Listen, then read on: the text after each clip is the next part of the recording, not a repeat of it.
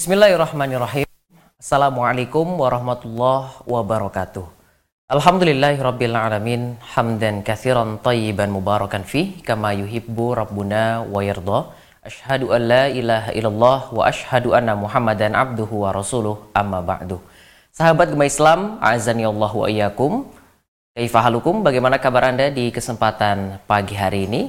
Alhamdulillah kita dapat kembali berjumpa di pagi hari ini dalam program Percikan Embun Pagi memulai aktivitas kita pada hari ini. Tentunya kita berjumpa di hari Senin di tanggal 3 Rajab 1442 Hijriah yang bertepatan dengan tanggal 15 Februari 2021. Dan sahabat umat Islam, azani Allah iyakum tentunya dalam program Percikan Embun Pagi pada hari ini yaitu di hari Senin kita kembali dipertemukan bersama dengan narasumber kita, pemateri kita, Alustad Muhammad Hazim Hafidhullah Ta'ala yang insya Allah akan kembali meneruskan pembahasan kita yaitu seputar atau pembahasan bertema tentang tazkiyatun nufus, pensucian jiwa dan hati kita. Kita akan sapa terlebih dahulu Alustad yang telah bersama kita di studio MGTV. Assalamualaikum warahmatullahi wabarakatuh Ustaz. Waalaikumsalam Insya Allah. Udah lama anak tidak berjumpa dengan Ustaz nih. Bagaimana kabar Ustaz? Alhamdulillah khair. Alhamdulillah baik Ustaz ya. Alhamdulillah Ustaz. Insya Allah di kesempatan pagi hari ini kita akan kembali melanjutkan pembahasan kita Ustaz. Ya. Tentunya dari pembahasan kitab Al-Bahrul Ra'iq dan di pekan yang lalu Ustaz telah menjelaskan kepada kita yaitu tentang bagaimana tentang keadaan di neraka. Dan di kesempatan pagi hari ini insya Allah Ustaz akan memberikan berita gembira. Bagaimana tentang atau keadaan di surga. Dan sahabat kembali Islam, azani Allah yakum, tentunya Anda bisa kembali memorojaah atau mengulang kembali pembelajaran ya, yang telah disampaikan oleh Ustadz, materi yang telah disampaikan oleh Ustadz di kesempatan pekan sebelumnya melalui layanan uh, rekaman yang telah kami sediakan melalui website di www.mgitv.com dan juga tentunya melalui fanpage atau halaman Facebook MGI TV dan juga tentunya melalui channel kami yakni di channel akun YouTube MGI TV. Dan sahabat kemah Islam, azani Allah ayakum, tentunya bagi Anda yang berdomisili di daerah kota Tasikmalaya, Anda juga bisa mendengar melalui radio Riyadul Jannah di frekuensi 104,5 FM Tasikmalaya. Dan setelah yang satu ini, kita akan langsung masuk dalam pembahasan tentang bagaimana keadaan surga Tetap bersama kami di program Percikan Bun Pagi, Sirami Hati, Tumbuhkan Benih Islami. Segarkan hati dengan percikan embun di pagi hari. Motivasi diri untuk menjalani hidup lebih baik secara syar'i. Simak acaranya setiap hari, Senin dan Kamis, live dari studio MGI TV dan Radio Riyadul Jannah 104,5 FM di Komplek Pondok Pesantren Ihya As-Sunnah, Jalan Terusan Paseh BCA Tugu Raja Cihideng, Kota Tasikmalaya untuk Sabtu dan Ahad on air by Tapping. Ikuti terus kajiannya setiap hari pukul 5 hingga pukul 6.30 waktu Indonesia bagian Barat. Segarkan hati dengan percikan embun pagi. MGI TV, medianya umat Islam. Percikan embun pagi, sirami hati, tumbuhkan benih Islami.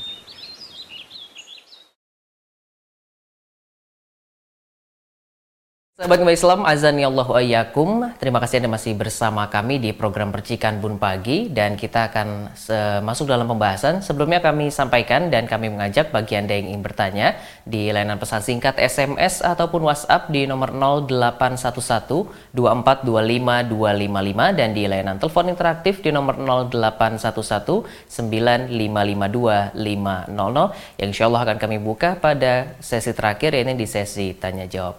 Kita akan masuk dalam sesi pertama dulu tentunya pembahasan materi oleh Alustad dan kepada Alustad kami persilakan.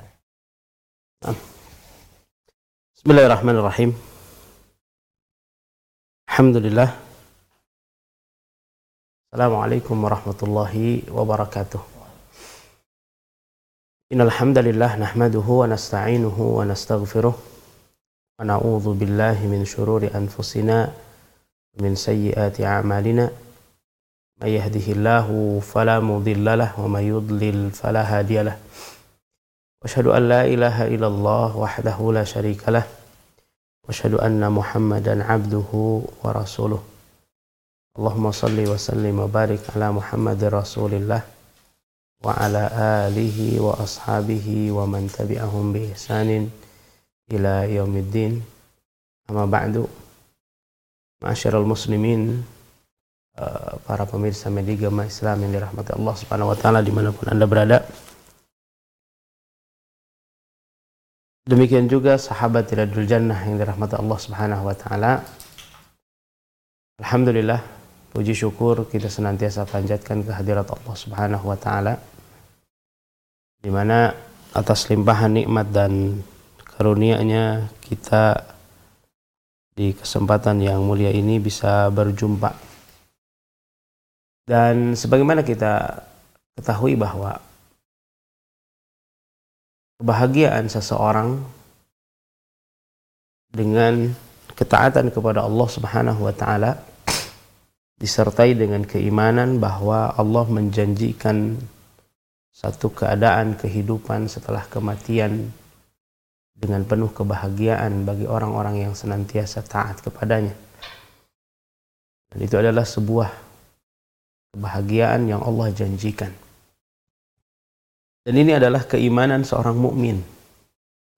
Andai semua orang itu berpikir tentang keadaan dirinya, maka dia akan mendapati sebuah kenyataan di mana dia akan hidup dalam sepanjang harinya melewati waktu-waktu yang baginya adalah sebuah hal yang membuat dia penasaran dan penuh keinginan. Di masa kecil kita tidak pernah berpikir tentang adanya berkaitan dengan eh, kesenangan yang tergambarkan. Sehingga ketika kecil seseorang mungkin berharap bahwa dia ingin segera memiliki usia yang dewasa. Ketika dia diberikan keutamaan oleh Allah Subhanahu wa taala sampai kepada derajat balik, mulailah cara berpikir seseorang itu menghendaki sesuatu yang dia inginkan. Berjalan mengikuti kehendak syahwatnya, kesenangan. Maka dia mulai memilih apa yang dia pilih. Oleh karena itu, Allah Subhanahu wa taala menetapkan eh, kewajiban taklif di saat seseorang itu sampai kepada derajat balik. Saat balik mulailah dia berpikir. Nah, Allah Subhanahu wa taala memberikan gambaran kepada kita tentang kehidupan di dunia ini. Dia mencari sesuatu yang dia inginkan. Sesuatu yang dia harapkan. Dan senantiasa mencari jalan yang terbaik untuknya dalam kehidupan ini. Begitu juga usia bertambah dan bertambah pun usia di situ. Dan didapatkan seseorang mungkin mencapai usia sudah 25 tahun, 35 tahun, 40 tahun, 50 tahun sampai disebutkan di dalam nas-nas Al-Quran ataupun sunnah Nabi SAW menjelaskan tentang keadaan manusia. Seperti itu. Namun yang tersisa dalam dirinya adalah hanya keabadian, keinginan untuk abadi di dalam kesenangan. Akan tetapi itu adalah ternyata hanya fata morgana. Habis dikikis usia. Mulai tubuh kita melemah mulai jasad kita berbeda. Sekalipun roh kita sama, perasaan kita sama, nafas kita sama. Bahkan orang yang disebutkan di dalam hadis Nabi SAW bahwa jiwa seseorang itu la tashib. Bahwa jiwa seseorang itu tidak pernah berubah. Terus seolah-olah apa tidak pernah berubah. Oleh karena itu ikhwah yang dirahmati Allah Subhanahu wa taala, Ketaatan kepada Allah itu sama dengan jiwa. Andai Anda di usia awal balik dengan Anda di penghujung akhirat, itu di penghujung kehidupan hari akhir, jiwa Anda sama dalam ketaatan. Demikian juga perasaan Anda. Andai umpamanya badan kita sudah keriput, punggung kita sudah membungkuk, akan tetapi seolah-olah kita masih dalam keadaan ABG. Oleh karena itu wajah aku nadhir. Allah datangkan kepada kita adalah sesuatu yang memberikan peringatan. Disebutkan oleh sebagian ahli tafsir, an-nadhir huna asyaib. Itu peringatan di sini adalah yang dimaksud adalah uban. Karena Allah Subhanahu wa taala memberikan agar manusia sadar dengan peringatan itu. Kulit mulai, mulai keriput. Uban mulai numbuh. Bahkan mungkin kepala kita sudah penuh dengan uban. Badan kita sudah mulai melemah. Itu adalah nadir, peringatan dari Allah Subhanahu wa taala bahwa Anda akan berhari akhir dalam kehidupan ini. Namun ikhwah yang dirahmati Allah Subhanahu wa taala, kita ya sedikit bercerita tentang surga ini, bercerita tentang apa yang kita hayalkan dalam kehidupan ini. Allah mengatakan kullu man 'alaiha fan. Semua yang tercipta di dunia ini adalah fana, termasuk jasad kita. Apa yang abadi? Yang abadi adalah berkaitan dengan apa? Ruh kita. Di mana kita hidup, kemudian merasakan kematian, kemudian Allah jadikan ada kehidupan di situ. Allah ciptakan. Ya. Maka ikhwah yang dirahmati Allah Subhanahu wa taala, perjalanan kehidupan ini adalah Allah gambarkan tentang uh, dari mulai tidak ada, kemudian Allah ciptakan ada, kemudian Allah ciptakan alam rahim, kemudian Allah ciptakan dunia ini. Dan semua adalah perjalanan. Dan tepian perjalanan Allah kabarkan hari-hari abadi setelah alam kubur adalah kita masuk ke dalam hari yang abadi. Khuludun bila maut. Kekekalan yang tidak ada kematian. La yamutu fiha wa la yahya. Kalau orang yang berada di nerakanya la yamutu fiha wa la yahya, tidak ada kematian juga tidak hidup. Tapi kalau umpamanya dia berada dalam ke surganya, dia penuh dengan kenikmatan, tasihu wala.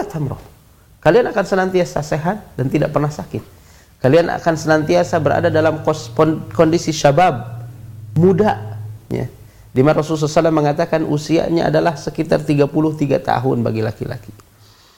Dan bagi perempuan adalah usianya sangat belia sekali di situ. Disebutkan dalam hadis Nabi SAW seperti itu dan tidak akan pernah tua. Dan itu keabadian. Ini adalah sesuatu yang dikabarkan oleh Nabi SAW tentang uh, kehidupan yang akan terjadi.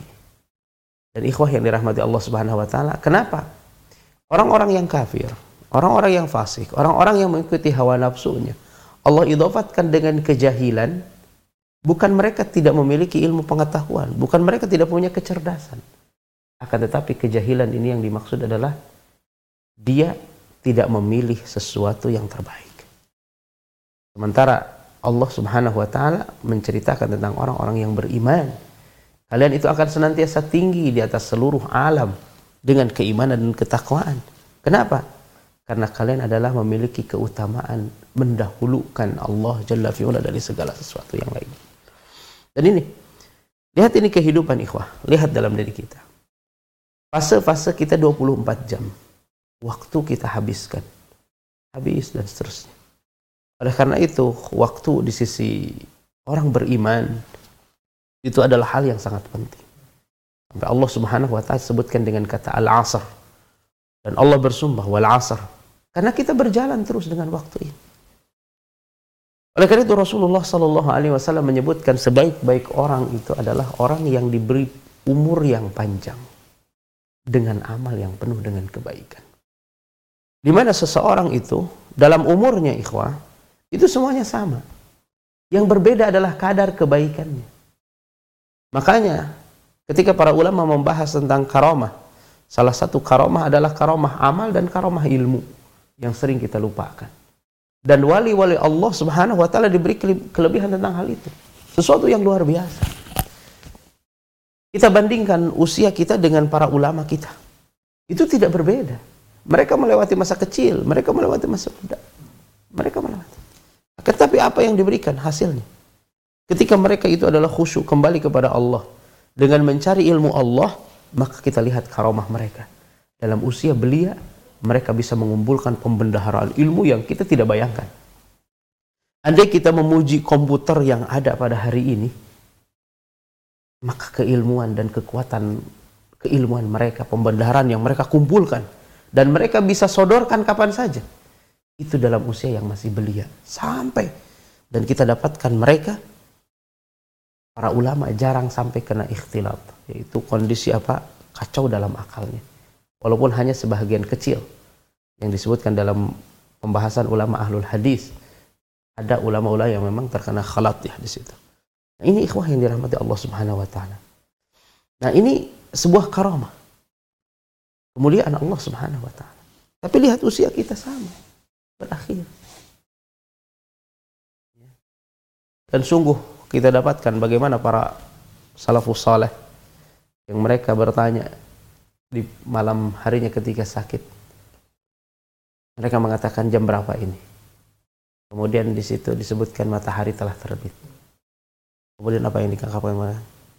Bi'sal lail. Seburuk-buruk malam. Sobihatuha ilan nar. Seburuk-buruk malam di saat waktu subuhnya, di saat waktu paginya, ternyata pintu neraka Allah yang terbuka. Allahu Akbar. Ini adalah keberkahan. Seseorang mendapatkan karamah, dia dimudahkan ilmu, dimudahkan untuk amal. Oleh karena itu ikhwah yang dirahmati Allah Subhanahu wa taala sedikit saya sampaikan. Apa yang disampaikan oleh Abu Kilabah kepada seorang tabi'in dia mengatakan begini. Carilah ilmu bukan untuk Anda menyampaikan ilmu itu ke orang lain. Yaitu carilah ilmu untuk beramal. Karena di situlah hakikat kemuliaan seseorang. Kita mencari ilmu terus, memahami dan terus mencari pemahaman dan terus. Itu adalah untuk kita amalkan. Kenapa? Itu ketika Sufyan Thawri ketika mendekati sakaratul maut dia mengatakan, "Diamlah semua kalian." Ini kepada keluarganya dan kepada muridnya dia. Sesungguhnya aku berjalan melewati negeri-negeri mencari pembendaharaan ilmu. Maksudnya di saat Orang pada saat itu sudah mengatakan bahwa dia adalah imam dalam ahlul hadis. Imam dalam seluruh keilmuan. Sudah mengatakan sesungguhnya usaha yang diperbuat ini adalah tujuannya untuk hari ini.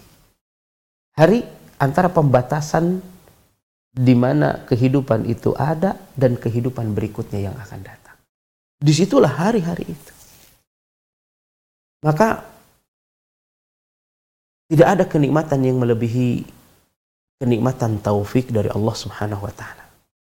Sehingga dengan itu surga Allah yang Allah janjikan yang disebutkan nanti akan sebutkan yaitu adalah sesuatu yang dirindukan berdasarkan ilmu dan iman bukan angan-angan karena Allah Subhanahu wa taala menceritakan manusia itu dalam dua keadaan yang pertama adalah keadaan yang kuat yang cerdas. Di mana dia seluruh kehidupannya dia persiapkan untuk akhirat. Dan kita berharap seperti ini. Orang mukmin mereka adalah orang-orang yang cerdas. Kais, orang yang memiliki cara pandang yang benar.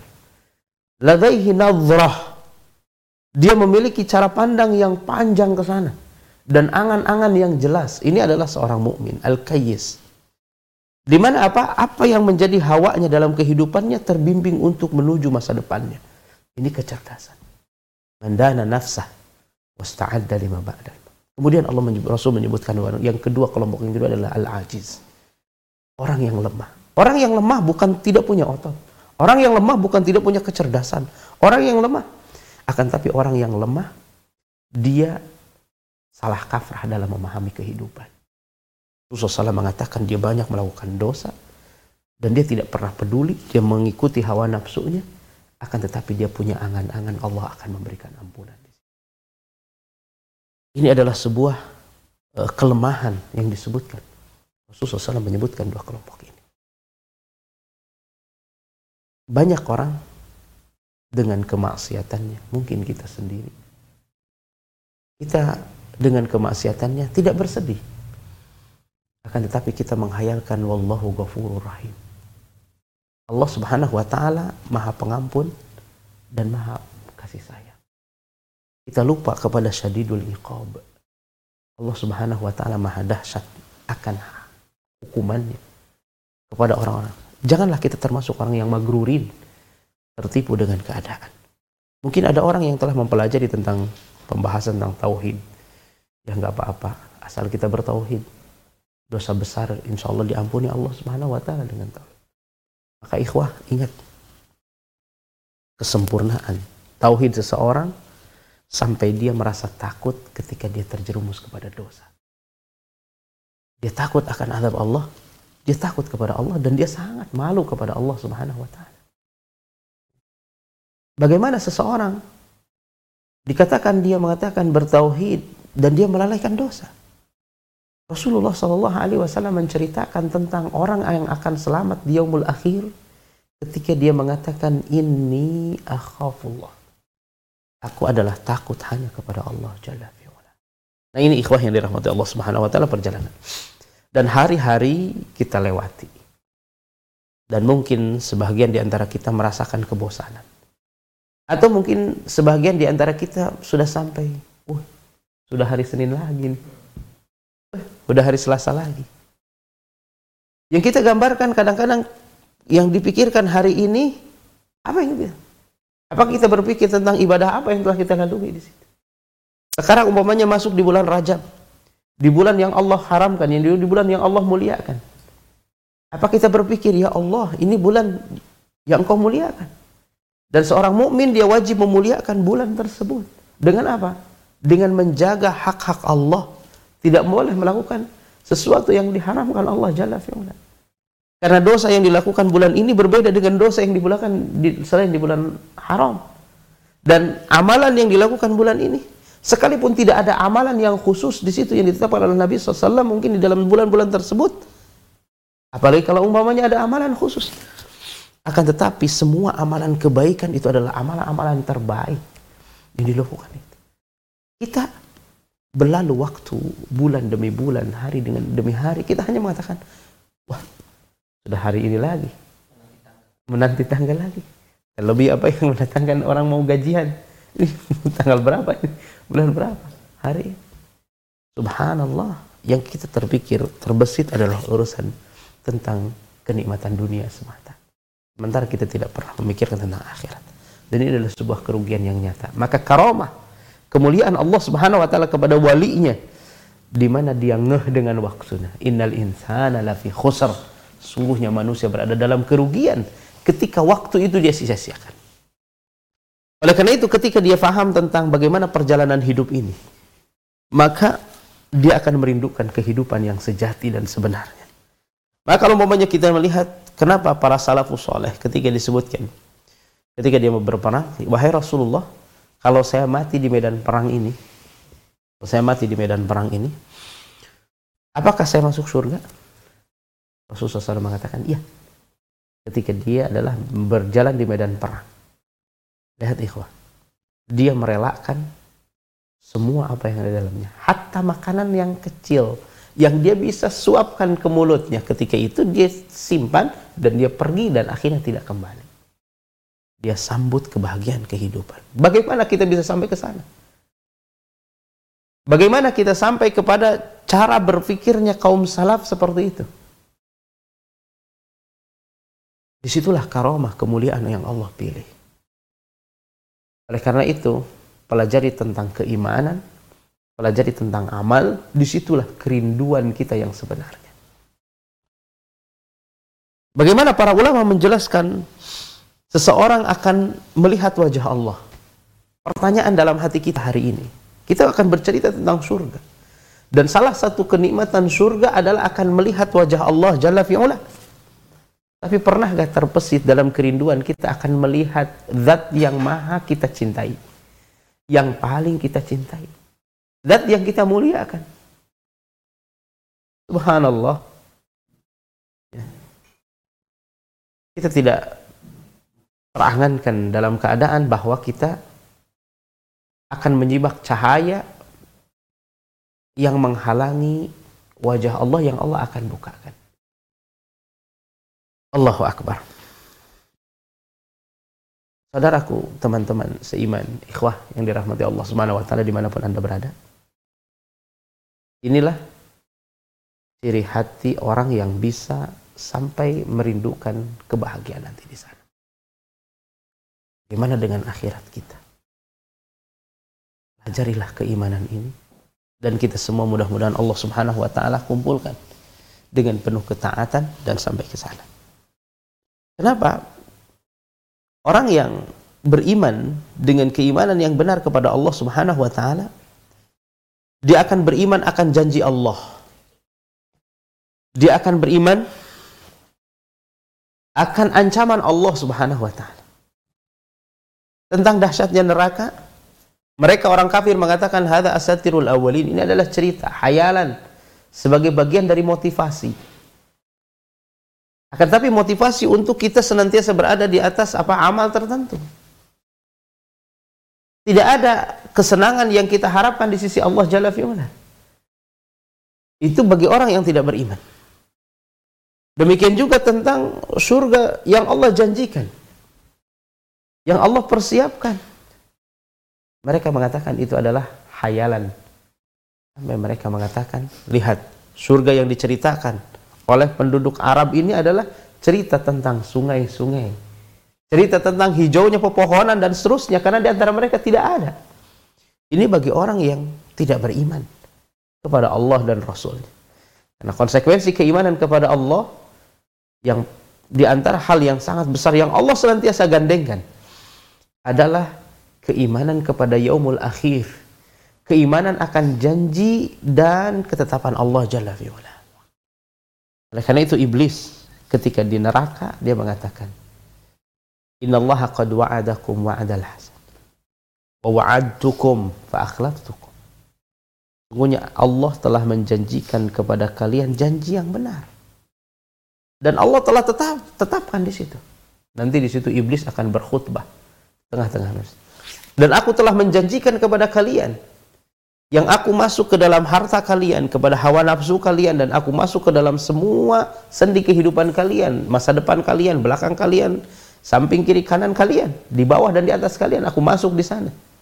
Dan aku janjikan kepada kalian dengan penuh angan-angan dan hayalan yang ada pada diri kalian. Sehingga kita setiap harinya itu berhayal besok yang kita lakukan ini untuk menghasilkan ini, besok kelahiran ini dan itu semuanya sampai lupa kepada jalan Allah Jalla. Yang kita sesali dari masa lalu adalah sesuatu yang berkaitan dengan kehidupan dunia ini. Bukan tentang kehidupan yang akan datang. Dan itu iblis mengatakan wa wa'adtukum. Aku janjikan kepada kalian semuanya itu. Fa akhlaftukum. Aku semua aku tidak pernah kata iblis itu adalah memberikan apa kebenarannya di situ. Ikhwah yang dirahmati Allah Subhanahu wa taala, inilah jalan keimanan. Baru setelah itu kita bahas apa yang Allah janjikan tentang kehidupan kita setelah yaumul akhir. Dan itulah surga. Itulah jannah muiddat lil muttaqin. Itulah surga yang Allah persiapkan untuk orang-orang yang bertakwa. Dan seseorang yang bertakwa, dia beriman kepada Allah dan dia beriman kepada janji-janji Allah dan dia hanya berharap kepada Allah di situ. Makanya Allah gandengkan man kana yu'minu billahi wal yaumil akhir. Liman kana yu'minu billahi wal yaumil akhir. Barang siapa yang beriman kepada Allah dan hari akhir, maka dia amalnya begini. Dan ini semua bagi orang yang beriman kepada Allah dan hari akhir. Dia beriman kepada Allah dan beriman kepada janji-janji Allah tabaraka wa ta'ala.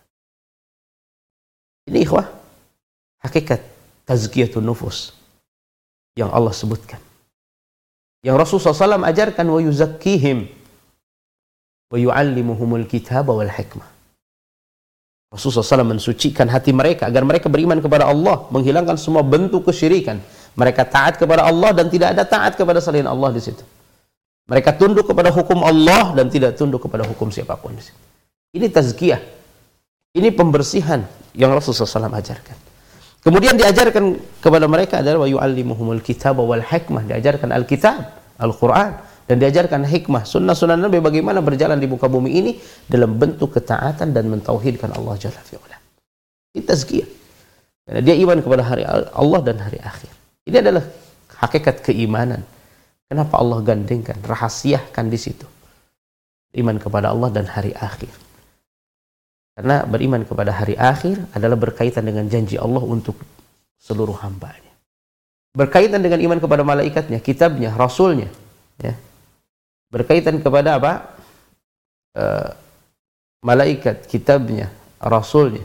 Di situ berkaitan dengan keimanan tentang aturan Allah Azza wa Tentang rububiyah Allah Azza wa Tentang qada dan qadar. Itu berkaitan tentang rububiyah Allah Azza wa Tapi berkaitan dengan yaumul akhir, berkaitan dengan janjinya untuk kita. Maka Allah gandengkan liman kana yu'minu billahi wal yaumil akhir. Maka kita dituntut apa janji Allah kepada kita ketika kita bertakwa kepada Allah. Allah janji dengan satu kalimat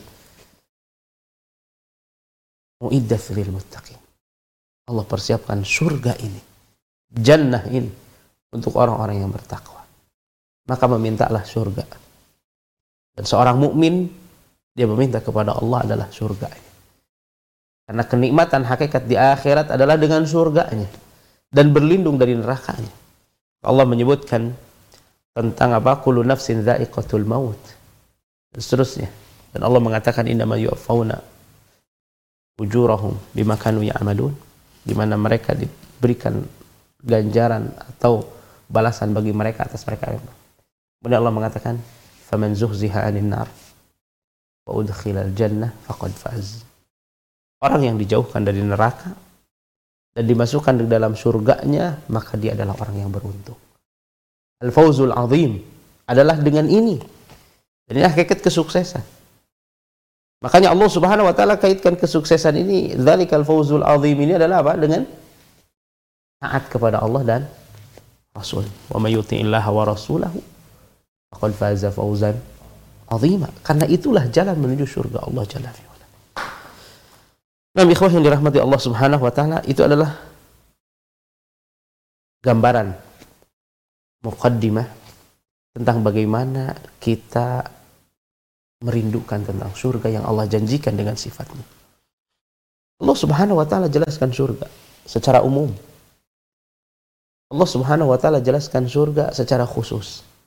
Rasul wasallam menyampaikan bagaimana kehidupan di surga sana. Nah, ikhwah yang dirahmati Allah Subhanahu wa taala disebutkan di sini nukilan tentang kalam uh, berkaitan dengan surga ini. Penulis mengatakan, dia menulis tentang tazkiyatun nufus ini. Al-Ghazali berkata, Ketahuilah sesungguhnya tempat tinggal akhir. Di sana ada tempat tinggal yang dengan kedahsyatan azabnya. Dengan kedahsyatan dengan ke apa namanya?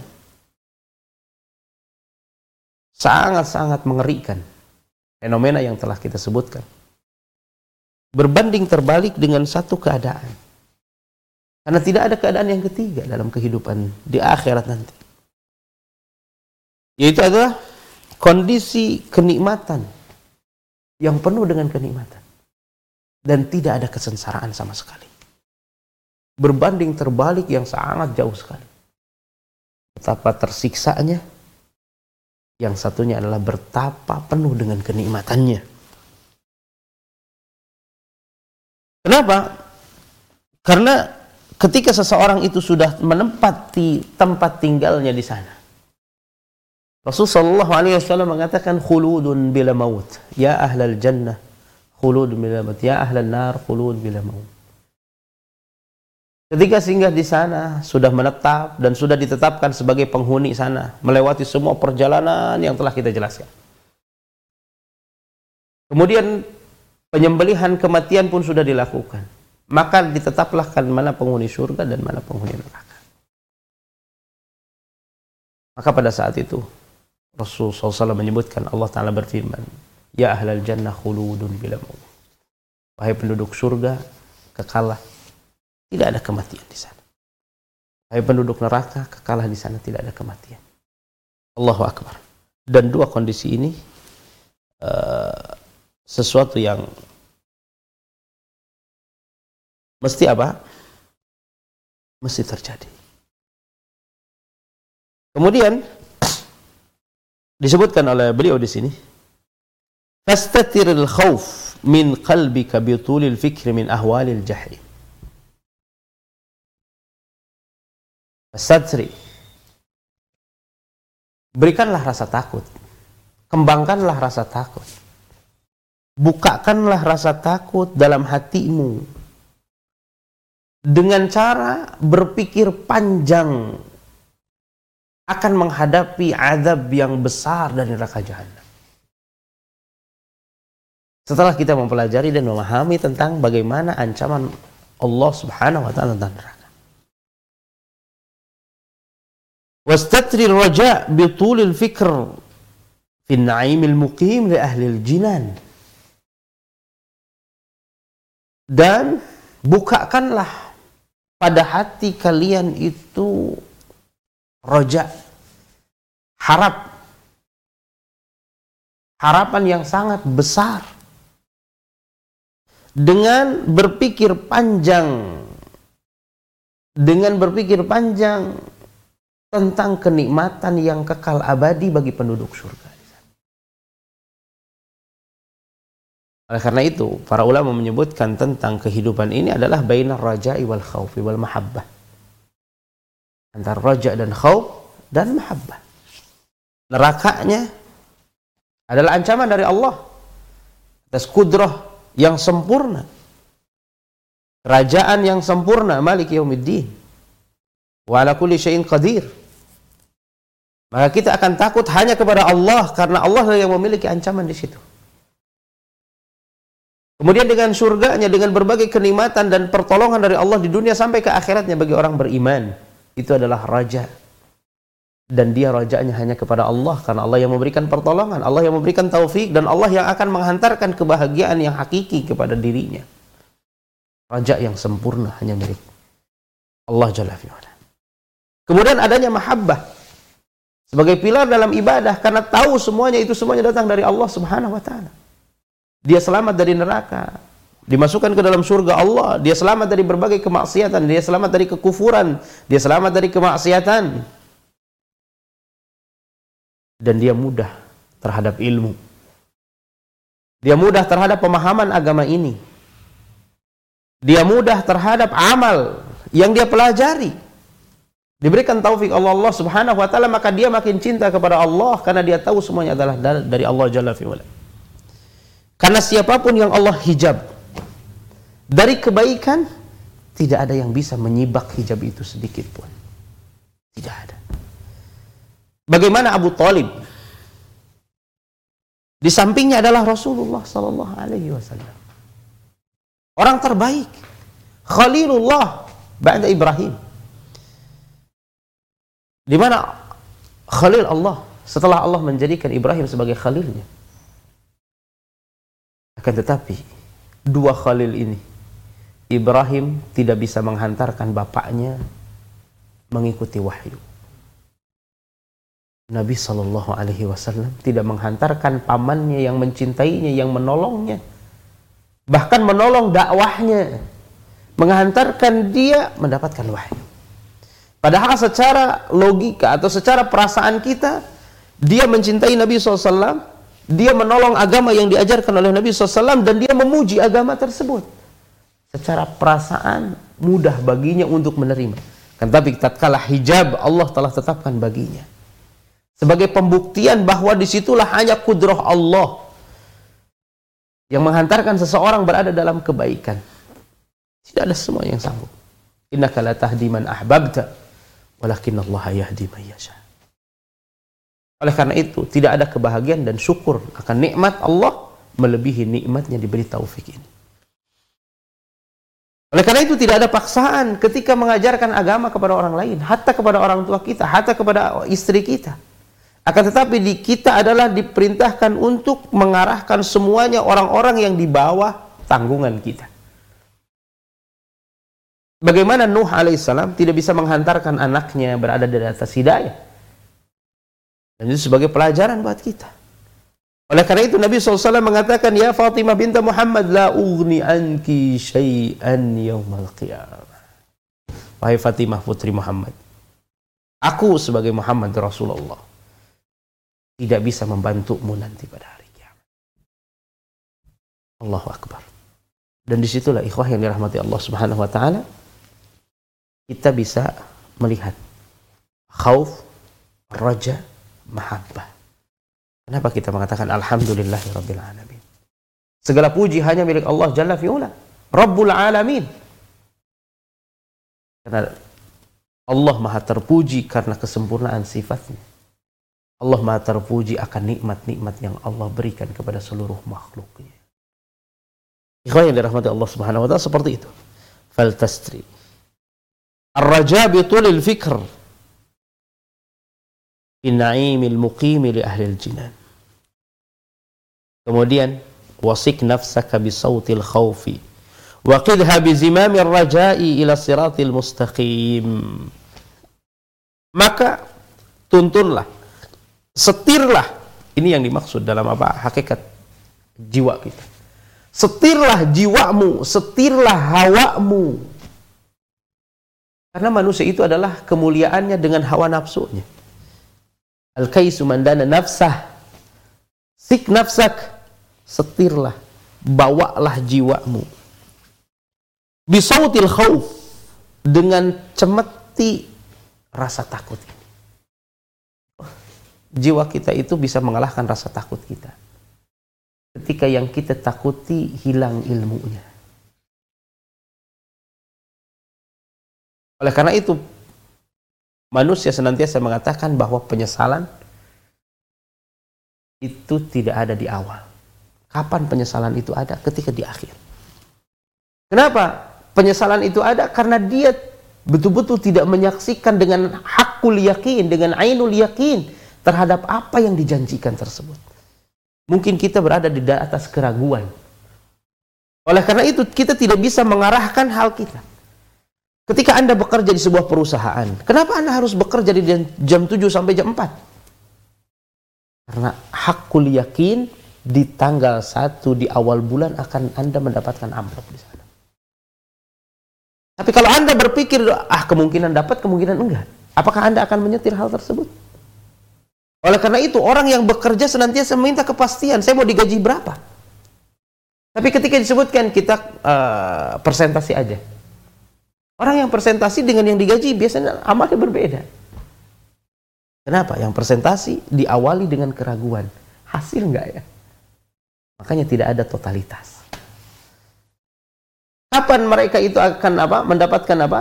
Kesemangatan ketika presentasi, ketika didapatkan bahwa oh ternyata menguntungkan, baru dia akan totalitas. Karena semakin dia bagus amalnya semakin. Nah, di ambang surga dan neraka ini lihat jiwa kita. Masik nafsak bisautil khauf. Giring jiwa kita.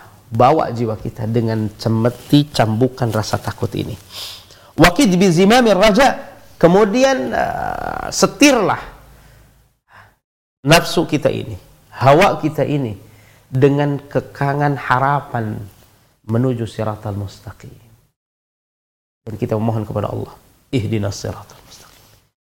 Karena di atas jalan siratal mustaqim ini kita akan diarahkan menuju berbagai keselamatan terlebih setelah kematian. Keselamatan di dunia. Dengan kita kokoh di atas tauhid taufik dari Allah Subhanahu wa taala di atas tauhid. Kemudian keselamatan dari setelah kematian di mana tidak ada lagi uh, keselamatan kecuali keselamatan dari Allah Jalla seperti itu fabidzalika tanalul mulkal azim wa taslam minal adzabil dengan kondisi ini dengan kondisi ini kita akan mendapatkan kerajaan kepemilikan yang sangat agung. Bagaimana tidak seluruh penghuni surga menjadi rajanya masing-masing di sana. Kutufu hadaniyah. Sampai semua kenikmatan itu bukan dia yang mencari. Tersedia dan datang. Kutufu hadaniyah, ujung-ujung buah-buahan, apa yang dia dapatkan, dan dia mendekat. Dicatatkan oleh Abdullah bin Abbas ketika seseorang terbesit dalam dirinya ingin sesuatu, maka ranting-ranting dengan buah-buahannya itu menyodorkan. Sendiri dan tinggal metik. Dania. Allah. Ada raja seperti itu? Wabidzalika tanalul mulkal azim. Dengan itu Anda mendapatkan kerajaan yang sangat agung dan tidak ada kerajaan. Bifakrika anta fi dunya mulkan aziman fil akhirah. Dengan kefakiranmu di dunia atas ketaatan kepada Allah, maka Anda menjadi raja di akhirat. Nabi SAW mengatakan la sautu la mawdi'u sautil jinan khairu minad dunya wa ma fiha. Sungguh tempat cemeti atau tempat uh, apa namanya andai di situ tempat cemeti kita di surga itu lebih baik ketimbang dunia dan seisinya. Bahkan Nabi SAW menyalakad kausin yaitu apa lengkungan busur yang ada di surga itu lebih baik dari dunia dan seisinya. Allahu Akbar. Ini adalah janji Allah. Tanpa keimanan, apakah Anda mengatakan ini? Bagaimana orang-orang musyrik mengatakan ini asatirul awwalin? Bagaimana orang kafir mengatakan ini adalah hanya cerita konyol? Itu hanya cerita, angan-angan dan hayalan. Bagaimana mereka akan diajak untuk taat kepada Allah, berbakti, berbuat baik dan seterusnya? Sementara tidak ada. Di sini mereka diceritakan tentang kekonyolan. Dianggap ini adalah sesuatu yang konyol. Asatirul awalin, cerita cerita dongeng belaka. Apakah Anda sebagai orang-orang yang seperti itu? Apakah kita seperti orang-orang seperti itu? Enggak, kita orang beriman. Kita mengimani janji-janji Allah Subhanahu wa taala tentang hal itu. Masif nasak. Takun mulkan Takun laka mulkun azim. Bagimu memiliki kerajaan yang sangat besar. Bagimu kepemilikan yang sangat agung Allah berjanjikan di situ. Bagaimana Anda memiliki rumah? Bagaimana Khadijah radhiyallahu taala anha dijanjikan Allah Subhanahu wa taala sampai menghabiskan hartanya Allah janjikan di akhiratnya dengan harta yang sangat besar. Itu bukan cerita itu bukan cerita yang isapan jempol, itu keimanan. Barang siapa yang menjaga sholat rotibahnya, dan ikhwah yang sama, subhanallah, janji-janji Allah Ta'ala, dia akan dibangunkan rumah di surga.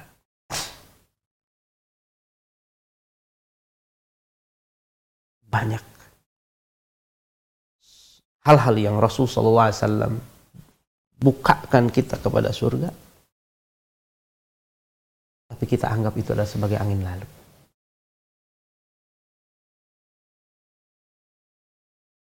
Di mana seorang ahlu sufah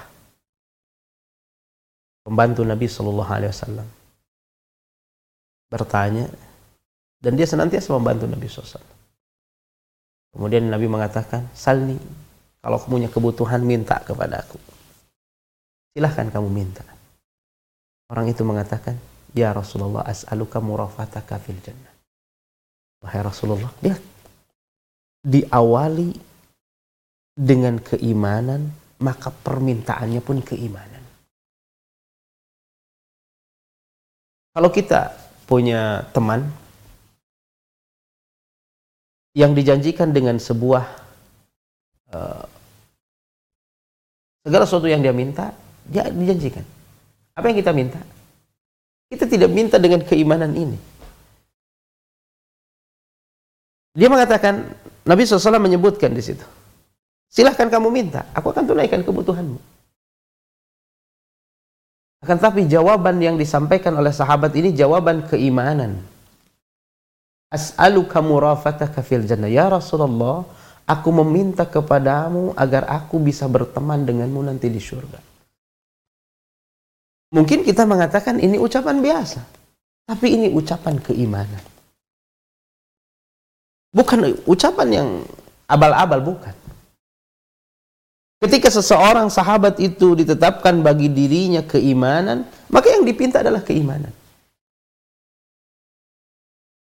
Maka Rasulullah SAW menyebutkan, Mungkin kau minta selain itu. Apakah minta tentang dunia ini kuda yang bagus? Dia orang fakir. Mungkin dia minta gandum untuk makan sehari-hari, minta umpamanya kecukupan di dunia. Kalau kita mengatakan salni, ya Allah, ya Rasulullah jangan sampai aku kelaparan di dunia ini. Mereka tidak. Dengan penuh keterbatasan kefakiran mereka, mereka meminta keimanan yang sangat tinggi. Murafataka ya Rasulullah, mintakan aku. Aku minta kepadamu agar aku bisa bersamamu. Sampai di akhirat kelak menjadi sahabatmu. Subhanallah. Apa kata Rasulullah SAW? Minta yang lain? Enggak hanya itu. Dan tidak ada permintaan. Kemudian Nabi SAW fa'in fa'inni bi sujud. Kalau begitu, Nabi SAW tidak meragukan kecintaan. Tidak mungkin dia tidak mencintai Nabi. Kalau dia tidak meminta itu. Maka modal dasar adalah keimanan kepada Allah dalam hadis tersebut. Lihat. Kemudian kecintaan kepada Allah dan kecintaan kepada Rasulnya. Ini modal dasar. Kemudian setelah itu Nabi SAW mengatakan, Fa'ini bikatharati sujud. Lakukanlah amal-amal sunnah dalam solat yang sebanyak mungkin. Kapan seseorang bisa bersama Nabi SAW? Keimanan kepada Allah dengan kecintaannya. Keimanan kepada Rasulnya dan mendahulukan Rasulnya sampai dia ingin selalu bersahabat kemudian setelah itu adalah melaksanakan semua amal-amal yang disunahkan Nabi Wasallam itulah janji Allah. Dan kalimat itu khusus bagi orang tersebut. Tapi motivasi buat kita siapa yang mau bersahabat dengan Nabi di surganya? Dan itu permintaan keimanan jamaah oleh karena itu fabidzalika tanalul mulkal azim.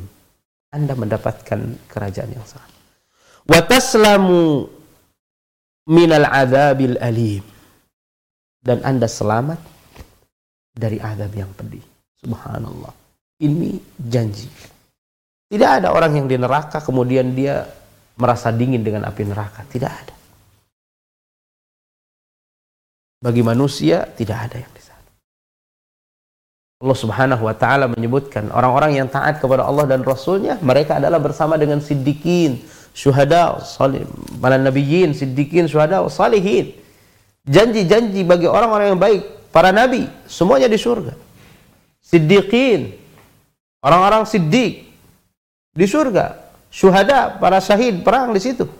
Sampai disebutkan Allah menyiapkan 100 derajat surga bagi para mujahid. Sampai Syekhul Islam mengatakan a'addah Allah di situ menjelaskan seperti innalillah tis'ah wa tis'ina isman. Man ahsaha dakhalal jannah itu tidak menafikan derajat yang lebih dari itu. Betul oleh Syekhul Islam di sana. Maka ikhwah yang dirahmati Allah Subhanahu wa taala sedikit syuhada kemudian wasalihin. Orang saleh. Empat kelompok ini semuanya di surga. Anda memilih yang mana? Dan semuanya adalah ahlu taqwa wa ahlul maghfirah. Mereka adalah ahlu taqwa dan ahlul maghfirah. Orang yang senantiasa berada atas ketakwaan dan jelas-jelas diampuni Allah, Allah Subhanahu wa taala akan dosa-dosanya. Tidak ada dosa yang bagi mereka. Ini ikhwah yang dirahmati Allah. Maka orang yang berada di neraka, manusia yang di neraka tidak ada lain kecuali berada di atas azab yang pedih. Yang telah kita jelaskan di waktu yang lalu wa taslam min adzabin alim.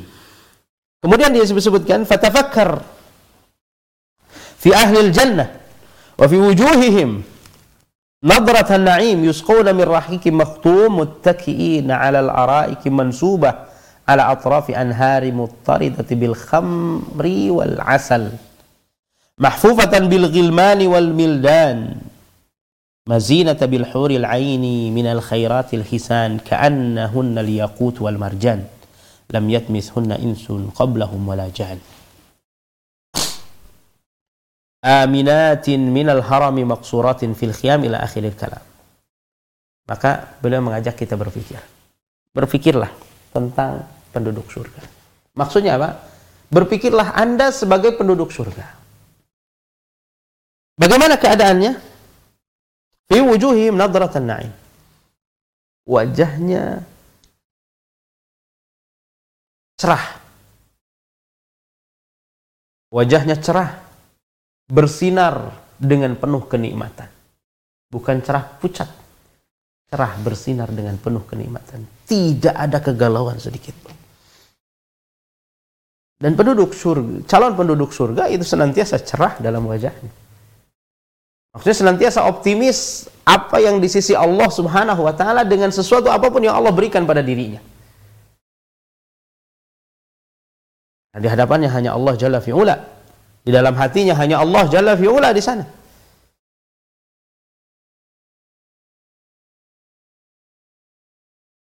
Yusqawnu min rahiki makhtum. Yaitu dituangkan kepadanya apa? Minuman-minuman yang disegel dengan apa namanya? Yang masih tersegel dan disegelnya dengan kasturi. Dalam hadis-hadis khitamuhu misk. Falidzalika falyatanafasil mutanafisun. Ketika diketahui bahwa segelnya adalah dengan mis, ketika tangannya kalau andainya tangannya dicelupkan di sana kemudian diangkat maka seluruhnya mencium akan aromanya tersebut. Allahu akbar. Itu sulit. Ya. Disebutkan alal araiki mansubah ala atrafi anhar muttaridatun minal khamri wal asal. Bersender dia di dipan-dipannya. Ikhwah, dipan apa? Tempat senderan seperti apa yang kita bayangkan? Tidak. Tidak bisa kita bayangkan di sana. Muttaqiina fiha alal araik.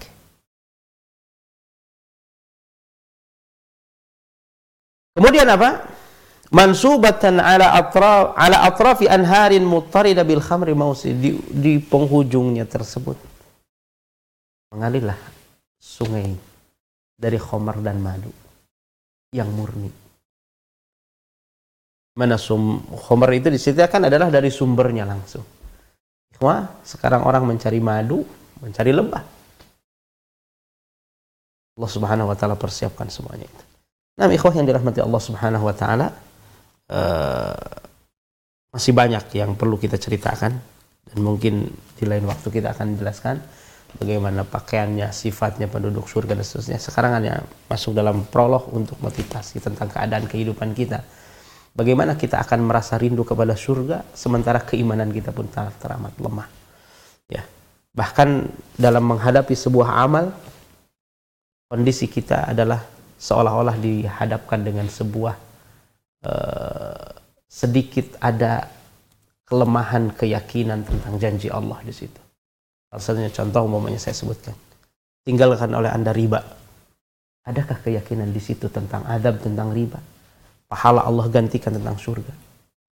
Banyak orang mengatakan futur tentang urusan hal ini. Dia mengatakan, barang siapa yang meninggalkan sesuatu karena Allah, Allah akan janjikan dengan sesuatu yang terbaik.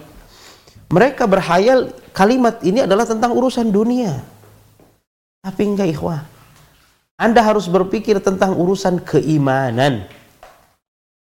Anda harus berpikir tentang urusan apa? Keimanan. Sesuatu yang lebih baik dari yang Anda miliki hari ini adalah yang paling besar adalah nanti kehidupan di akhirat. Andai Anda meninggalkan yang haram, bukankah Khadijah dia dengan pembendaharaan harta yang banyak, ketika bersama Nabi SAW dan sampai diboikot oleh orang-orang Quraisy, dia memakan akar, habis hartanya di situ. Lalu Anda mengatakan, mana Allah janji Allah tentang kita akan digantikan dengan kehidupan yang lebih baik di dunia ini? Ikhwah, wal akhiratu khairul laka minal ula. Tancapkanlah keimanan dahulu tentang hal tersebut. Perhatikan tentang janji Allah akan hal tersebut. Nah, ikhwah yang dirahmati Allah Subhanahu wa taala, itulah satu gambaran. Ketika Anda umpamanya menjadi seorang tokoh yang di sana Anda mengajak kepada kesesatan. Kemudian Anda membaca ini ketika meninggalkan sesuatu karena Allah, Allah akan janjikan. Kemudian Anda merasa terkucilkan dengan hal tersebut akhirnya futur. Apakah Anda ragu tentang janji Allah?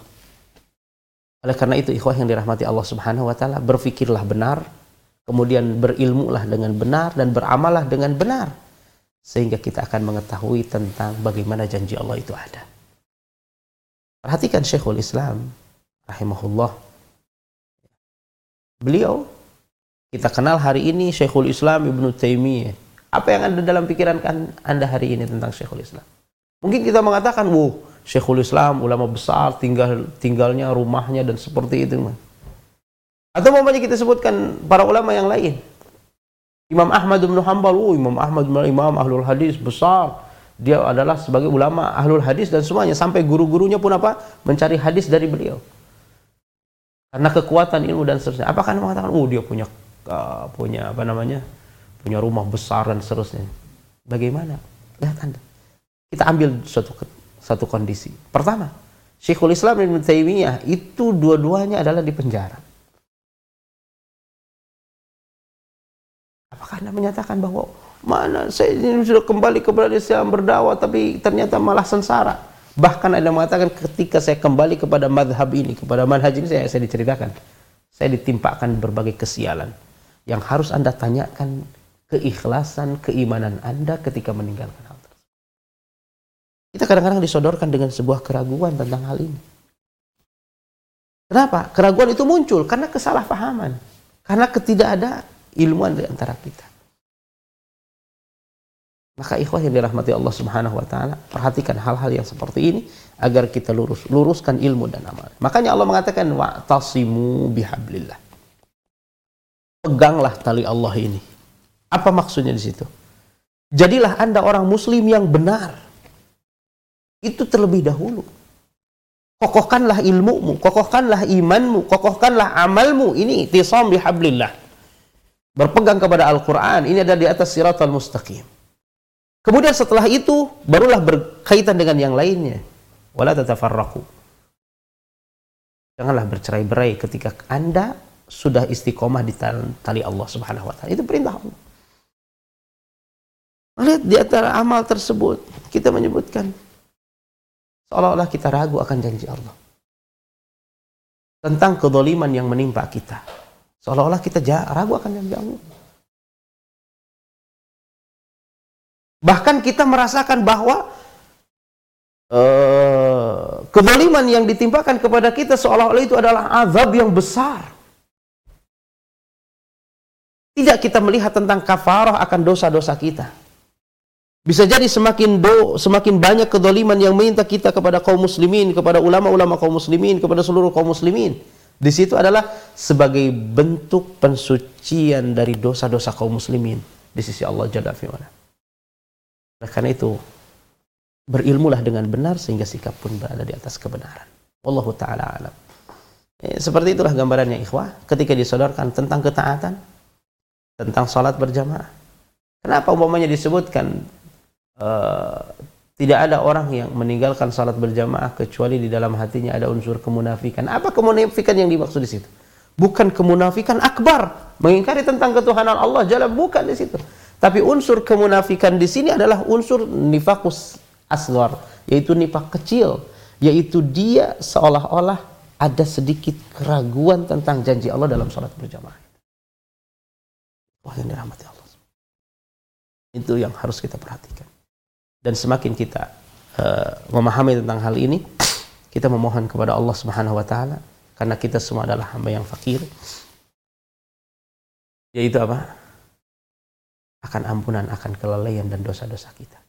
Dan kita memohon kepada Allah Subhanahu wa taala untuk diberikan taufik agar kita dimudahkan untuk berada di atas jalan siratal mustaqim menuju surga Allah yang Allah janjikan di sana. Inilah prolog tentang kenikmatan surga dan bagaimana kita jalan menuju sana. Allah taala alam. Dan untuk selanjutnya kita serahkan kepada Al-Akh Ihsan falyatafaddal masykur. Nah, Ustaz, Jazakumullahu khairan kembali untuk materi dan juga nasihat yang disampaikan oleh Ustaz di kesempatan pagi hari ini untuk kita semua sahabat iman Islam tentunya sebagai pengingat kembali di materi kita tentang prolog sebelum kita masuk dalam keadaan di surga dan kembali kita meluruskan niat kita dan membersihkan jiwa kita kembali sebagaimana tadi disampaikan oleh Ustaz tentunya jiwa seseorang ini bisa kita bawa untuk kembali menuju jalannya dan tentunya membawa hati kita ini kepada uh, tentunya amalan-amalan dan juga eh, balasan-balasan yang akan kita dapatkan di surga kelak. Sahabat kembali Islam, azani Allah wa iyyakum. Dan untuk selanjutnya kita akan masuk dalam sesi tanya jawab. Dan kami persilakan kembali. Bagi Anda yang ingin bertanya seputar pembahasan kita di kesempatan pagi hari ini. Tentunya dalam tazkiyatun nufus atau pensucian jiwa tentang uh, keadaan di surga. Dan sebagaimana telah disampaikan oleh di kesempatan pagi hari di pagi hari ini melalui layanan pesan singkat SMS dan juga WhatsApp di nomor 0811-2425-255 dan di layanan telepon interaktif di nomor 0811-9552-500. Baik, nampaknya kita telah tersambung dengan satu penelpon. Kita akan angkat dan dahulukan. Halo, Assalamualaikum. Waalaikumsalam warahmatullahi wabarakatuh. Baik, dengan Bapak siapa atau Ibu siapa sebelumnya di mana? Abdul di Merauke, Papua. Masya Allah, di Merauke, Papua, Bapak Aziz. Mau tanya Ustaz, Ya. ini tentang dari tema Iya, masalah apa itu fikih. fikih ya. Yang pertama masalah wudhu itu masukkan air ke hidung itu hukumnya eh, fardu apa sunnah. Yang kedua ada orang Islam meninggal tapi seluruh selama hidupnya nggak sholat itu wajib disolatkan nggak? Yang ketiga di kampung kami ini ada sehabis kematian itu ada acara tiga hari, tujuh hari, empat hari, seratus hari, sampai seribu hari. Itu dalam Islam ada tuntunan enggak? Terima kasih. Saya Wassalamualaikum warahmatullahi wabarakatuh. Waalaikumsalam warahmatullahi wabarakatuh. Jazakumullahu khairan kepada Bapak Aziz di Merauke, Papua dan kepada Ustaz ada tiga pertanyaan tadi Ustaz tentang fikih tentunya di luar pembahasan kita dan mungkin kami silakan Ustaz. Nah, barakallahu fi kepada Bapak yang bertanya dan mudah-mudahan Allah Subhanahu wa taala senantiasa memberikan taufik kepada kita semua untuk senantiasa berada di atas ilmu dan amal. Bagaimana hukum menghirup air ke hidung dalam wudhu? Disebutkan di situ. Di situ para ulama jumhur itu berpendapat adalah hukumnya sunnah ya karena jumhur berpendapat bahwa yang wajib atau yang fardu dalam wudhu adalah sesuatu yang disebutkan di dalam apa di dalam uh, Al-Quran yaitu tentang apa fagsilu wujuhakum wa aydiyakum minal marafiq dan seterusnya. Kemudian sebagian ulama ini adalah sebagian madhab itu berpendapat bahwa hukumnya wajib karena itu adalah dengan dua dua alasan yaitu pertama yang kita sampaikan ya dua alasan di para ulama menyebutkan yang pertama adalah amrun Nabi SAW perintah Nabi SAW Nabi SAW mengatakan idza tawaddu ahadukum falyaj'al fi anfihi ma'an thumma yantathir atau di dalam riwayat lima Muslim disebutkan ya ini falyastanshik bimin kharaihi. Minal ma. Kemudian Nabi SAW mengatakan man tawaddu'a falyastanshik. Itu ada anjuran dan perintah. Jadi asal dalam perintah itu adalah hukumnya wajib dan perintah Nabi SAW adalah sama dengan perintah Allah dan tidak bertentangan dengan apa yang disebutkan di dalam ayat Al-Quran. Tidak bertentangan dalam ayat Al-Quran. Yang kedua disebutkan di sana adalah Nabi SAW tidak pernah uh, meninggalkan istinsyak istinsar itu tidak didapatkan Nabi SAW pernah. Dengan ini para ulama menyebutkan ini adalah wajib. Akan tapi ikhwah yang dirahmati Allah Subhanahu wa taala terbebas dari hal tersebut maka orang yang dia mempelajari tentang hal tersebut bagi yang berpendapat bahwa tidak wajib maka di situ nadornya adalah dari sisi sah dan tidaknya wudhunya jadi bukan tentang penghakiman di situ bagi orang yang berpendapat tidak wajib ketika dia meninggalkan hal tersebut berarti wudhunya sah. Ditinjau dari sisi keumuman ayat di situ. Tapi bagi orang yang berpendapat wajib baginya adalah tidak sah wudhunya kecuali dengan mendatangkan hal tersebut. Seperti itu adalah gambarannya. Allah taala alam ya. Dan keumuman madhab Syafi'i dan ini adalah kebanyakan di negeri kita di Indonesia itu adalah berpendapat bahwa itu adalah hukumnya Pak. Sunnah. Sekalipun ada di situ adalah muakkad. Seperti itu Allah taala alam. Dengan kaifiat-kaifiat yang ini. Kemudian yang kedua apa tadi San? Yang mengaku dirinya muslim tapi tidak pernah Ah, sholat, bagi orang yang muslim dia mengaku muslim dengan mengucapkan dua kalimat syahadat. Tetapi sepanjang hidupnya dia tidak salat, maka di sini ada dua keadaan. Kalau dia seorang muslim berkalimat syahadat itu karena tidak tahu bahwa salat itu adalah hukumnya wajib, maka dia eh, semasa hidupnya ya mendapatkan udur tentang hal tersebut. Ini bagi orang seperti ini maka wajib untuk disalatkan. Permasalahannya adalah bagi seorang muslim yang sampai kepadanya ilmu tentang kewajiban ini bahwa disebutkan ini adalah rukun Islam dan seterusnya. Bahkan dia tahu tentang konsekuensi dari meninggalkan sholat itu bagaimana dan seterusnya. Karena banyak orang yang tahu tentang kewajiban sholat tapi dia tidak tahu konsekuensi dari akibat dia tidak meninggalkan salat. Maka di situ pun berbeda kondisinya jemaah. Bagi orang yang tidak sholat, setelah dia konsekuensinya tahu tentang keilmuan tentang sholat, di sini para ulama khilaf ya. Ada yang mengatakan hukumnya kafir, hatta walaupun meninggalkan satu sholat. Ada yang berpendapat tidak bermanfaat di situ adalah la ilaha illallah seperti itu. Ada yang berpendapat bahwa tetap bermanfaat la ilaha illallah dan dengan la ilaha illallahnya dia adalah apa? Dia adalah berada di atas keislaman, maka berhak baginya adalah hukum Islam yaitu salah satunya adalah didoakan dan disalatkan. Itu kondisinya. Maka terlepas dari itu, bila bagi orang yang mengatakan bahwa itu adalah hilang keimanannya, maka dia tidak boleh menyolatkan orang kafir yang jelas-jelas mati di atas apa? kekafiran di situ. Wallahu taala alam. Tapi bagi orang yang di situ adalah uh, ini dia mengambil kesempatan yang berkaitan dengan pahala di situ mendoakan orang-orang muslim yang merupakan saudaranya. Tapi itu dilihat dari sisi bagaimana kondisinya. Tapi para ulama mengatakan bahwa bagi tokoh-tokoh yang memang di situ dihormati itu tidak pantas untuk menyolatkan orang yang ini bagi tokohnya. Adapun bagi umpamanya masyarakat umumnya dan seterusnya sebagai pelajaran. Kenapa? Karena orang-orang yang e, baik tidak akan menyolatkan orang yang tidak baik di situ. Karena Nabi SAW jangankan sholat, Nabi SAW hanya hutang saja, itu hutang saja. Dan di situ adalah ada seorang itu hadis Abu Qatadah menceritakan tentang apa dua dinar. Kemudian Nabi Shallallahu Alaihi Wasallam menyebutkan uh, dia punya hutang, iya. Nabi SAW mengatakan silahkan sholatkan. Kemudian Abu Qatadah mengatakan ya Rasulullah huma alayya. Dua dinar ini aku yang nanggung. Maka kemudian Nabi SAW membuat sab dan menyolatkan jenazah tersebut. Hanya hutang. Bagaimana dengan hutang dengan Allah Jalla fi'ula? Maka selayaknya tokoh-tokoh seperti umpamanya para kiai, para ustadz, para muallim yang mengajarkan ilmu di sana, dia memberikan peringatan bahwa orang seperti ini tidak dipantas pantas salatkan oleh mereka. Gitu. Mungkin disolatkan untuk oleh keluarganya dan yang lainnya mungkin seperti itu. Tapi tidak disolatkan oleh tokoh-tokoh yang besar di sana. Ini contohnya yang dikabarkan oleh para ulama tentang hal tersebut. Sampai Rasulullah SAW mengatakan, kalau begitu saya salatkan. Setelah itu Nabi SAW terus mengulang, wahai aku kata, sudah bagaimana dengan dua dinar itu? Dan Nabi SAW tidak pernah apa? Berhenti bertanya itu sampai aku lunaskan. Sampai aku mengatakan, Ya Rasulullah, kodoh itu huma, aku telah apa? Menunaikan dua dinar. Apa kata Nabi? Al-an qad barudat. Ah, sekarang jenazahnya sudah mulai dingin. Gitu. Yaitu apa? Dengan hutang dua dinar, ternyata apa? Sebelum dilunasi, dia merasa apa? Kepanasan di, di alam kuburnya. Subhanallah itu dengan hutang. Bagaimana dengan salat?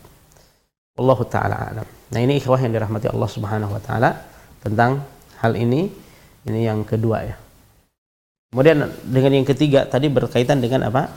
Uh, tradisi. Tradisi di negeri kita tentang kematian ya.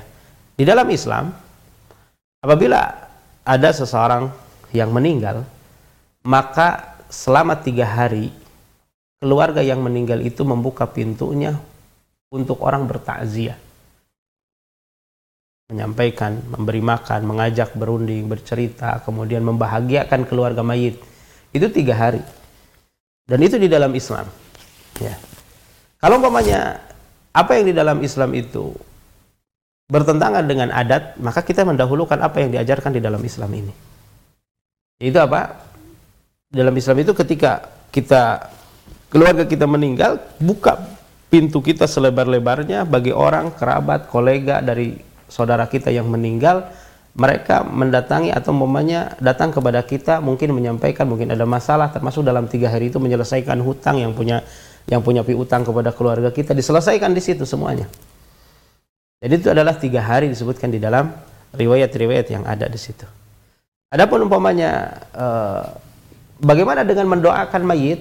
Mendoakan mayit itu tidak ada batasnya, tidak ada apa? tidak ada batasnya, tidak dibatasi dengan uh, tiga hari, tujuh hari, seratus hari dan semuanya. Karena semua kaum muslimin itu diperkenankan untuk mendoakan, baik dengan kalimat umum atau kalimat khusus. Dan mendoakan orang-orang yang meninggal uh, dari kalangan kaum muslimin itu mustajab insyaallah. Karena Rasulullah SAW menyebutkan dakwatul mu'min li akhihi mustajabah. Doa seorang mukmin fi dhahril gaib dalam keadaan dia tidak tahu itu adalah mustajab makbul dijawab oleh Allah.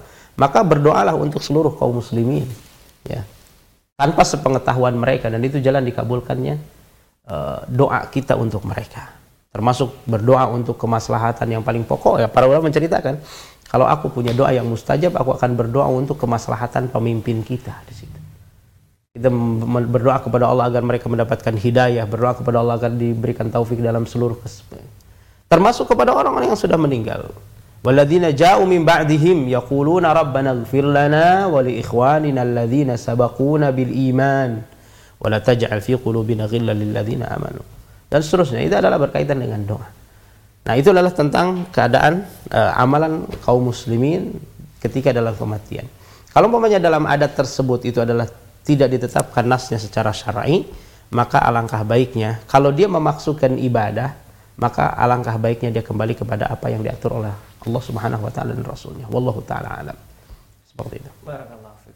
Jazakumullah khair untuk jawabannya Ustaz dan semoga menjadi uh, penjelasan dan juga uh, jawaban untuk penanya kita dari Bapak Aziz di Merauke, Papua dan untuk sahabat Islam yang lainnya tentunya. Baik, kita akan langsung bacakan pertanyaan dari pesan singkat untuk mewakili pertanyaan yang kita angkat dari pertanyaan melalui pesan singkat. Bismillah, Assalamualaikum warahmatullahi wabarakatuh.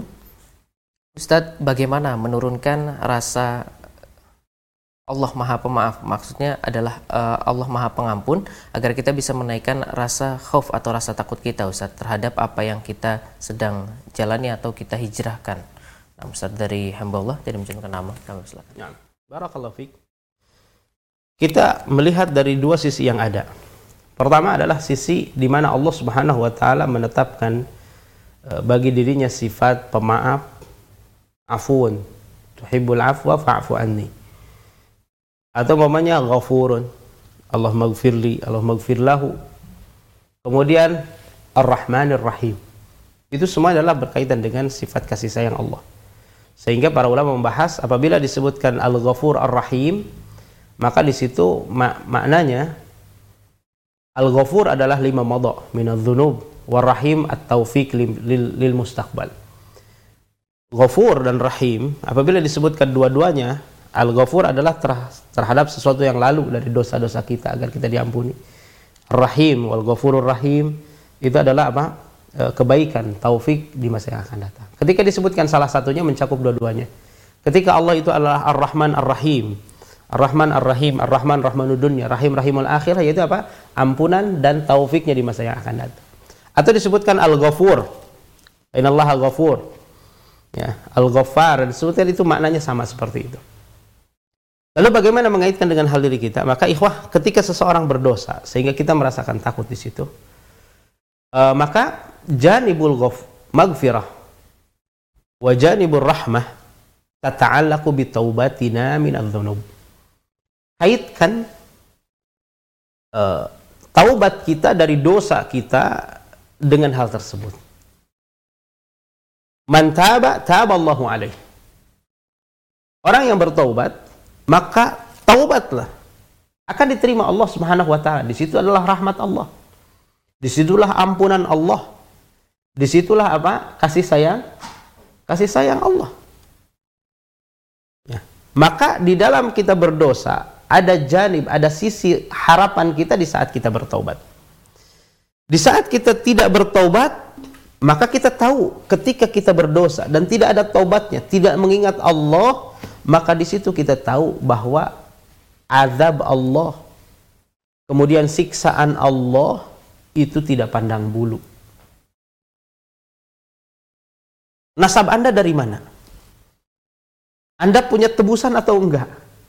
Dan seterusnya. Azab Allah tidak ada pandang bulu di sana. Bagaimana Allah menceritakan tentang Fir'aun?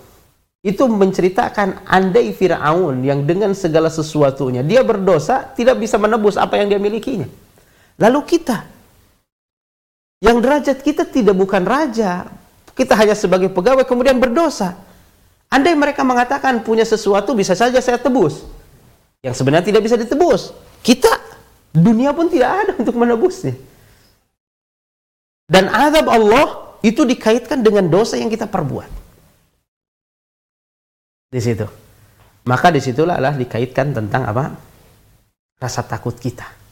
rasa takut kita kepada Allah Subhanahu wa sehingga tidak ada istilah di dalam uh, di dalam urusan masalah kehidupan ini ah udah tanggung sengsara bebaskanlah hidup ini nggak bisa justru dengan kesengsaraan itu satu modal dasar bisa jadi Allah tetapkan anda sebagai penghuni surga dengan kesengsaraan jadi kalau umpamanya anda itu adalah miskin fakir dalam kehidupan dunia catat dengan baik di situ bisa jadi satu jalan oleh Allah anda berikan anda sebagai orang fakir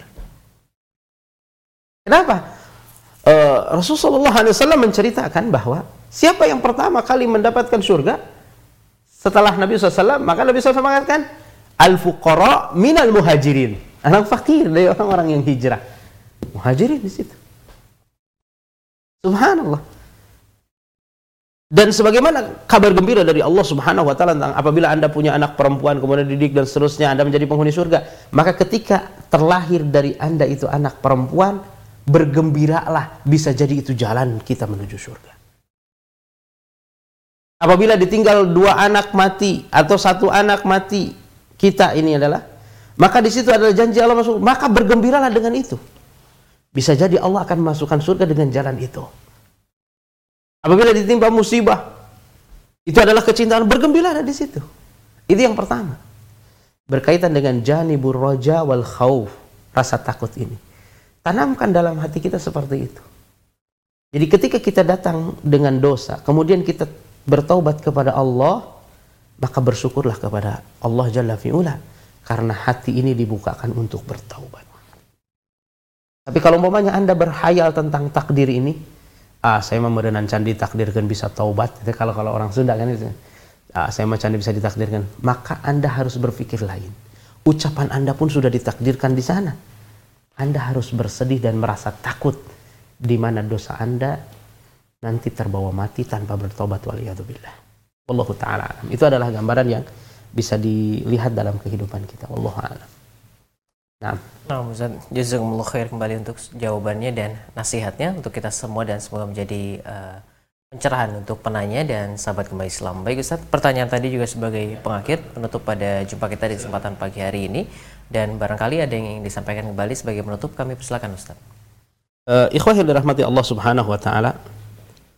Sebagaimana kita sebutkan bahwa berkaitan dengan surga dan neraka ini berkaitan dengan keimanan. Maka di situ cerita tentang surga adalah cerita tentang berita dan itu berkaitan dengan perkara gaib. Maka andai Anda bercerita tentang surga jangan dengan hayalan dan pikiran Anda. Bercerita tentang neraka jangan dengan perasaan Anda dan bercerita tentang balasan dari Allah, hukuman dari Allah, jangan dengan perasaan Anda. Kembalikan semuanya kepada berita dari Allah dan Rasulnya. Kepada Al-Quran, kepada sunnah Nabi. Apabila ada berita di sana tentang hal tersebut, maka berimanlah. Contoh umpamanya Al-Khawarij Kilabun Nar. Khawarij itu adalah anjing-anjing neraka. Maka pada saat itu Anda berpikir ini adalah hadis Nabi. Dan kita beriman. Maka kita pelajari tentang Khawarij ini agar kita tidak terjerumus di dalamnya. Kemudian Nabi SAW menyebutkan laknat Allah adalah bagi yang begini, begini, begini. Kita pelajari di sana agar kita tidak terjerumus di situ. Jangan sampai kita membaca Al-Quran, Al-Quran sendiri menetapkan laknat kepada kita. Maka urusan surga, urusan neraka, janjinya Allah Subhanahu wa taala dan kabar gembira dan ancaman dari Allah itu adalah adalah berkaitan dengan keimanan dan urusan gaib. Maka tidak bisa dengan hayalan dengan pikiran dan juga dengan akal kita. Dan kesesatan orang kafir mereka mengatakan asatirul awalin tentang wahyu ini karena mereka mengambil mengambil sesuatu yang berita dari Allah sebagai apa? perasaan dan hayalan mereka. Itu saya gambaran tentang surga yang uh, dalam permulaan kita bahas di sini. Saja yang bisa saya sampaikan. Mohon maaf bila ada kekurangan dan kesempurnaan hanya milik Allah tabaraka wa taala. Dan kita memohon kepada Allah atas semua kekurangan dan dosa yang kita perbuat khususnya dalam majelis ini. Sallallahu ala nabiyina Muhammadin wa ala alihi wa sahbihi wasallam alhamdulillahirabbil alamin. Assalamualaikum warahmatullahi wabarakatuh